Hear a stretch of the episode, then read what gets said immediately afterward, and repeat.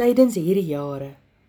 Om genoeg tyd te hê om met God te spandeer kan soms moeilik wees, veral vir mammas met klein kindertjies. 'n Wyse vrou het hierdie raad gegee na aanleiding van haar eie ervaring.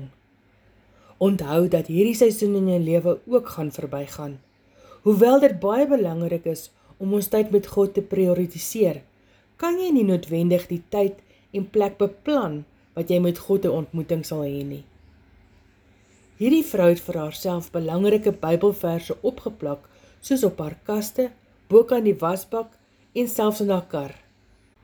Dit het haar baie gehelp om hierdie teksverse gereeld te lees en te memoriseer. Dit herinner ons aan God se gebooie en die riglyne in Deuteronomium 6 vers 8 en 9. Bind dit aan jou hande vas as 'n herinnering en dra dit op jou voorkop.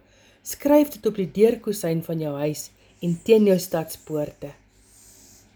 Wat kan jy prakties doen om jou fokus op die woord te hou? Jy kan dalk soos hierdie wyse vrou notas vir jouself opplak. Maar wat jy ook al doen, hou jou oë op God gefokus. Seëngroete van Revival Heart Suid-Afrika.